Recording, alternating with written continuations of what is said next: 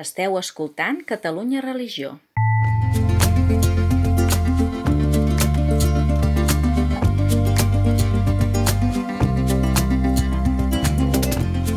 Converses en la frontera, un podcast de Gabriel Jaraba i Xavier Morlans.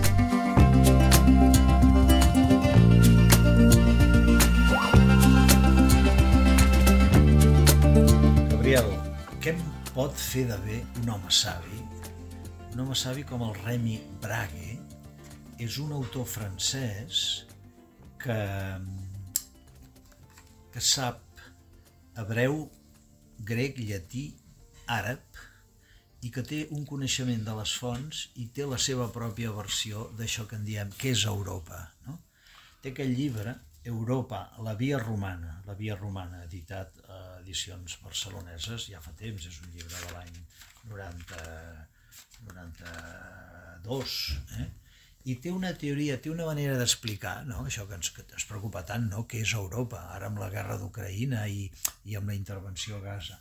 I ell ve dir, a veure què et sembla això, que Europa, primer, no és estrictament un lloc geogràfic, que sí, però és més que un lloc geogràfic, no? i que no és tant una identitat, sinó que és un punt de vista. Ser europeu és un punt de vista, és una actitud. I és una actitud que té una tensió entre, per una banda, assimilar un classicisme, que seria Atenes, Jerusalem, i per altra banda, eh, lluitar contra una barbària interior. Segons Remy Brague, els bàrbars els, els, tenim, els tenim a dintre. No? Com, com et sona això? de que, i, i sobretot diu que això els que millor ho van fer va ser els romans. O sigui, cal valorar els jueus, no? a Jerusalem, cal valorar els grecs, Atenes, però el Bragui reivindica molt els romans perquè aquests van ser uns mestres, a part de les coses dolentes que tinguessin, en això d'assimilar allò anterior, tant si és la cultura grega com la religiositat jueva, però a la mateixa manera eh, estar atent a l'estranger i arribar, diguéssim, també a articular-ho amb, amb la pròpia barbària que un té dintre, no? Sempre m'ha embolicat una mica, però eh, ara ho anirem, ho podem arreglar, no? Clar, clar. fixa't, és que eh, ells d'entrada, els propis romans es reconeixen des de, de l'inici, des de, de, la, de la seva ciutat, ells dataven el temps com a burbe condita, no? És a dir, des de la partida de la fundació de la ciutat, és a dir, eh, amb una barbàrie. I ells, eh, que és el mite, i, i jo diria el mite amb tots els set ciuts, molt complet, de Ròmul i de Rem, eh, criats i amamentats per la lloba, no? I ells, així, eh, ells presenten ells mateixos com a els fills de la lloba, no? Clar, és una declaració de principis, perquè és una manera molt, molt pulcra dir som uns fills de puta. És a dir, amb perdó, és a dir, eh, ells es presenten com qui som, i aquesta recurrència a la, als antecedents mm, per la, per la pròpia legitimitat la trobem, per exemple, en les pròpies llegendes maçòniques, d'una altra tradició tan europea en aquest sentit i tan sintètica d'aquestes maneres de pensar, quan els maçons es reconeixen com a fills de la vídua, no? Mm, I aquesta vídua, és a dir, aquesta dona sola que fa eh, front a totes les dificultats per tirar endavant els fills, amb la qual no té precisament una, una visió còmoda eh, ni harmoniosa de la vida, sinó ni tan sols proposa a l'europeu una visió harmònica mm, de l'existència i del, i del món, com ho podem proposar doncs, el taoisme a Bàcia, no? o, o, la, o la harmònica, diguem, de concurrència de déus i deesses i deïtats eh, hindús, sinó que això és una altra cosa. T'estan dient, la vida és dura, fill meu, i nosaltres, i tu ets fill d'una eh, mare viuda, eh, d'una lloba solitària que et va afillar tu que no eres de la seva espècie, que eres un estranger, que eres un estrany, i eres un estrany a la teva pròpia terra perquè tu tiressis endavant i fundessis no només una ciutat, sinó un imperi. déu nhi quina declaració de principis. Sí, i que actual és el fet aquest de reconèixer venint d'un estranger no? o, o, o d'un bàrbar, d'una lloba, no? amb el tema que tenim plantejat tan candent de quina actitud tenim amb els estrangers que en aquest moment fugen de situacions de fam, de dictadura, eh, venint de l'Àfrica o venint de, de l'Orient Mitjà ara, no? Clar, perquè a més a més aquí hi ha una cosa molt curiosa. D'una banda, aquesta modernitat que, que pretén saber-ho tot i tenir sortides per a tot, i al final es troba que no té sortides per a res, mmm, com diria jo, es presenta, eh, es troba com que, com que el seu projecte, és a dir, no li responen els mandos. Eh? Un pim-pam, això no funciona. El, el Titanic s'enforça. Eh?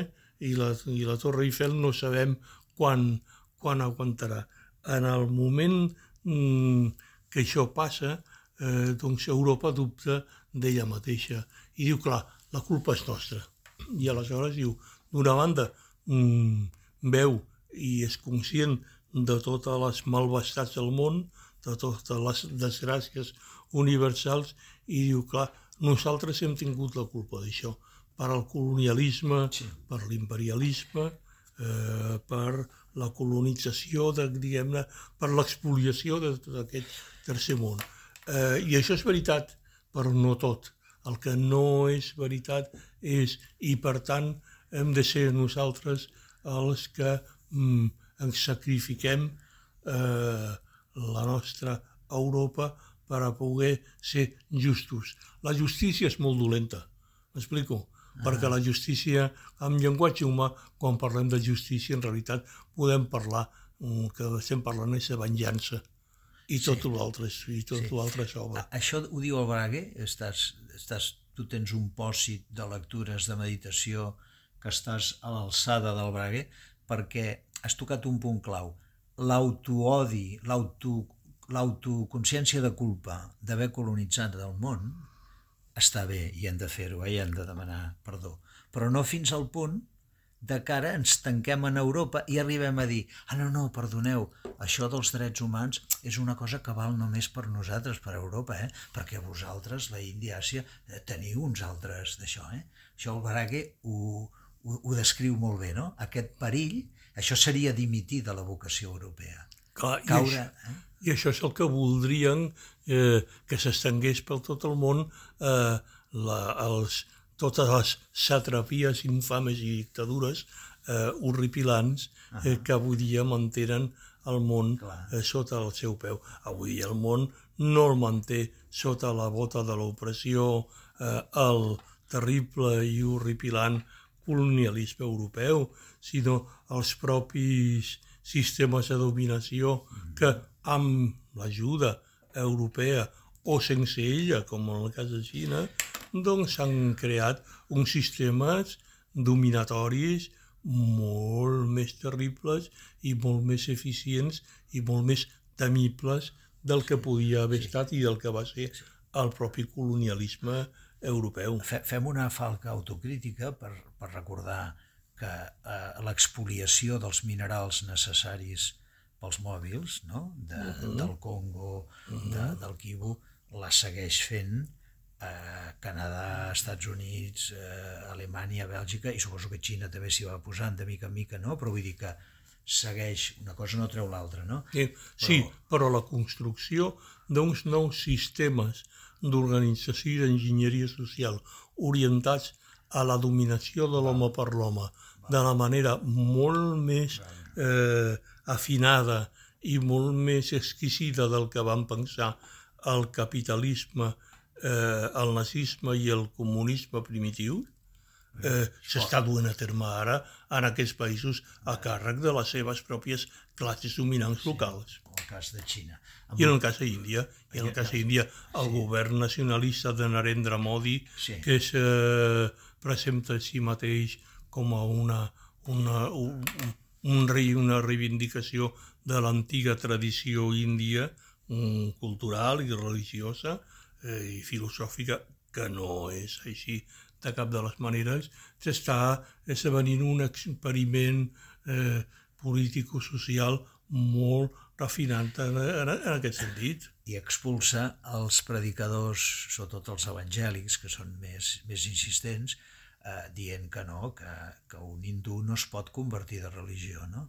És curiós això, eh? o sigui, aquesta afirmació de la pròpia identitat cultural religiosa -huh. al servei, com tu dius, en el fons d'un projecte dominador perquè si tu introdueixes una altra religió, que en principi seria, estàs introduint un principi que pot ser crític, no? Sí, però en realitat eh, el, el Narendra Modi i els seus parla però no li fa mal la sabata perquè en realitat els hindús sí que s'estan convertint i s'estan convertint al cristianisme i al budisme.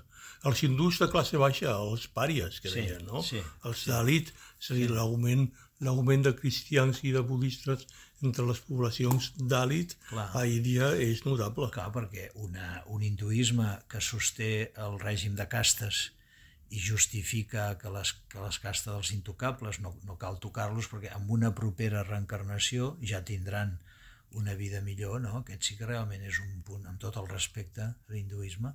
Que originàriament no era així.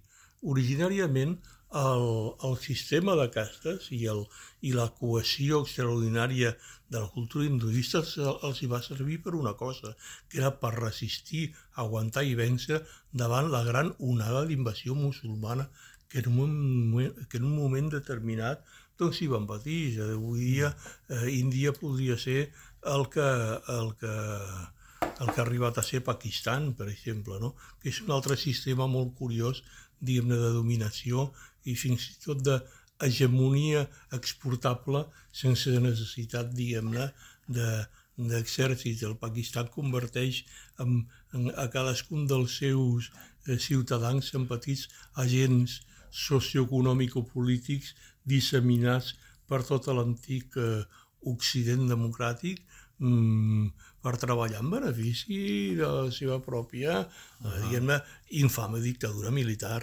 ara atòmica, per cert. Per tant, diríem que el que pot aportar Europa al món, o, o l'europeïtat, seguint el fil d'aquells romans que van saber integrar l'estranger, el diferent, i van saber acollir el classicisme de Grècia, seria sobretot un, un sentit crític.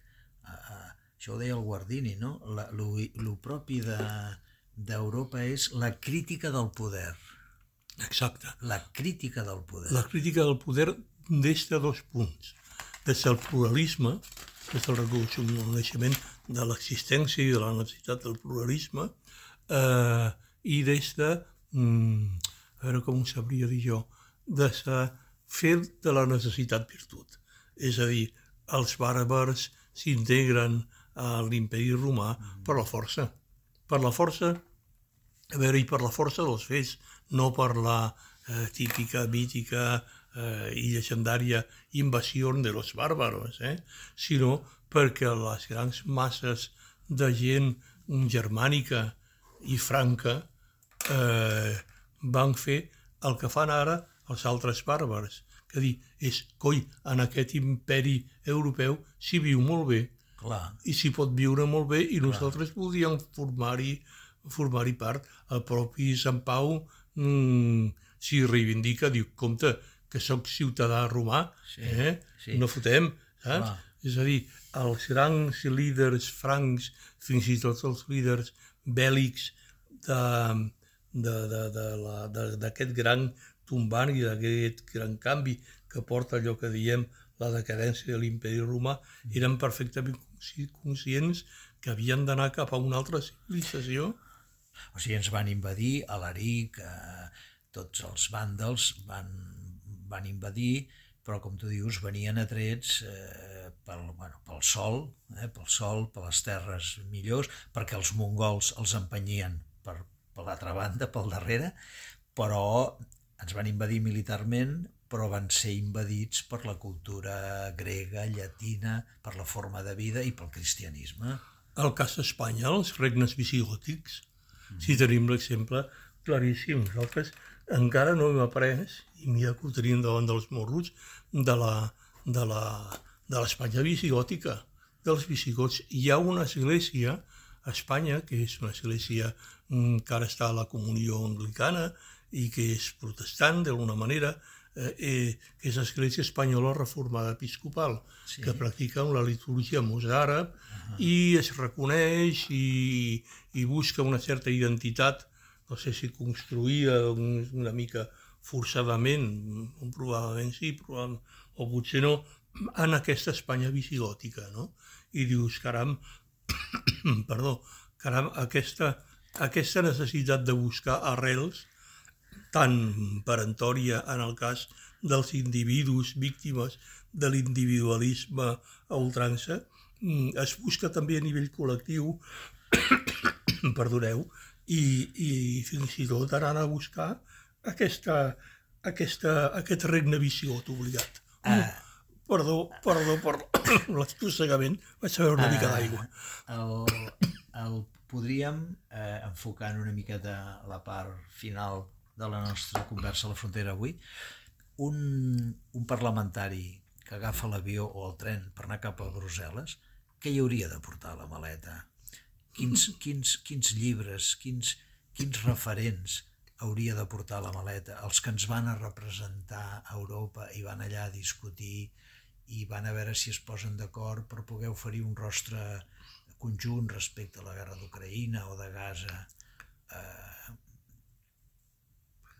A veure, jo diria, estaria molt bé que duguessin el Quixot, perquè és un retorn a la base, a, la, a les arrels, a la, a la naturalitat de la vida quotidiana eh, el, i el reconeixement aquest de que la vida és dura.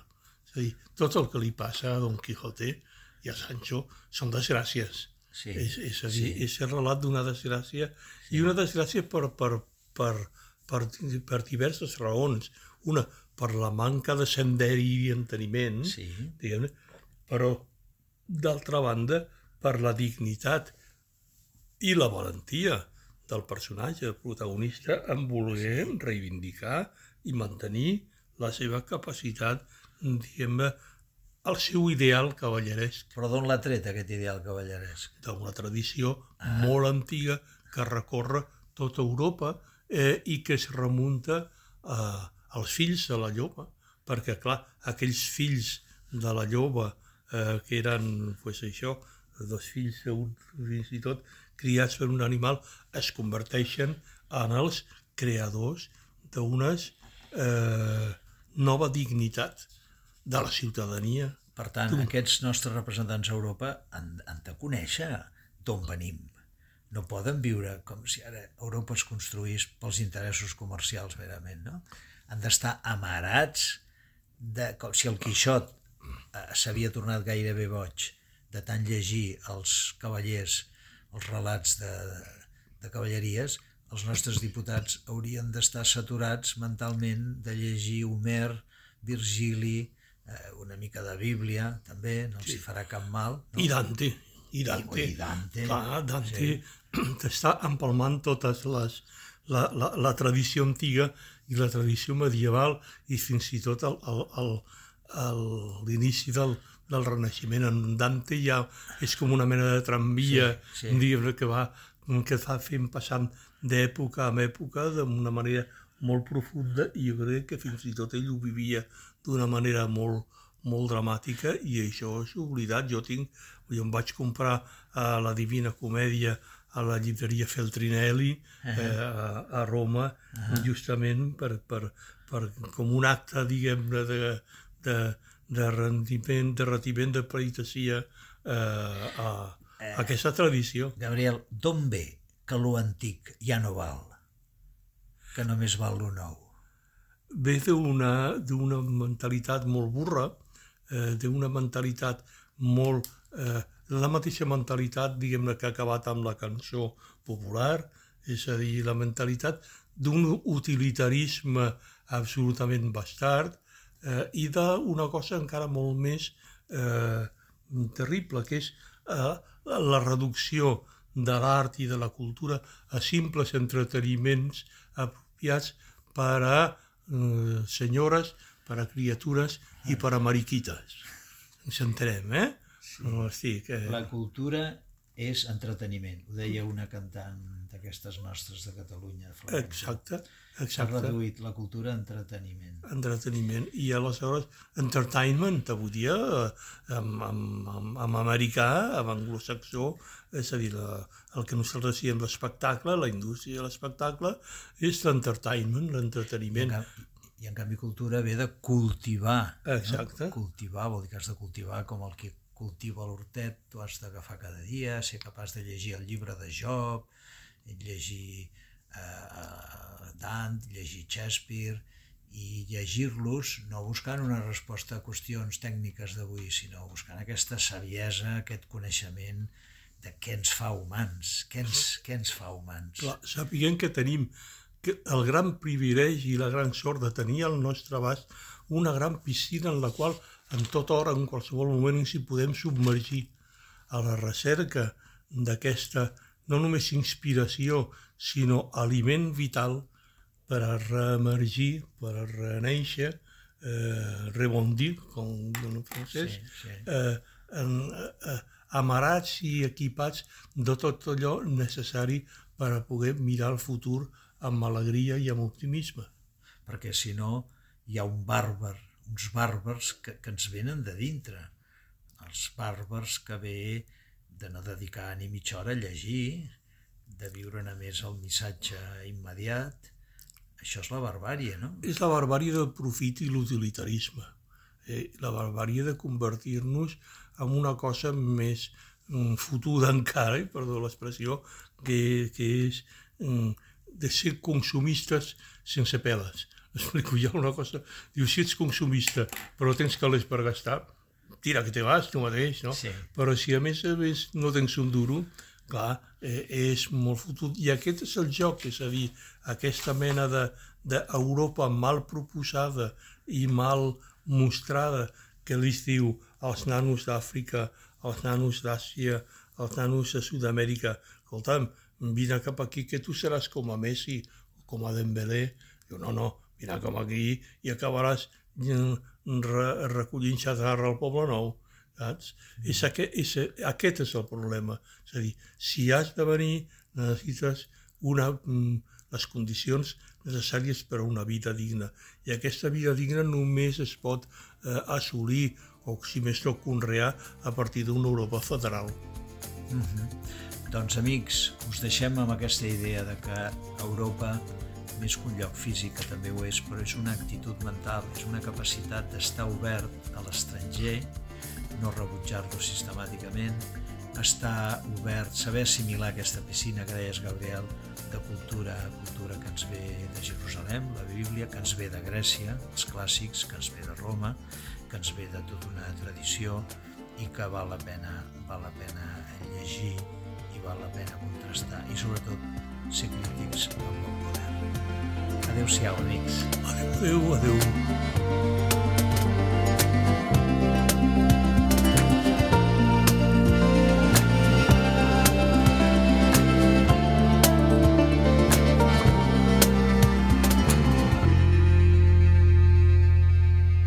Catalunya Religió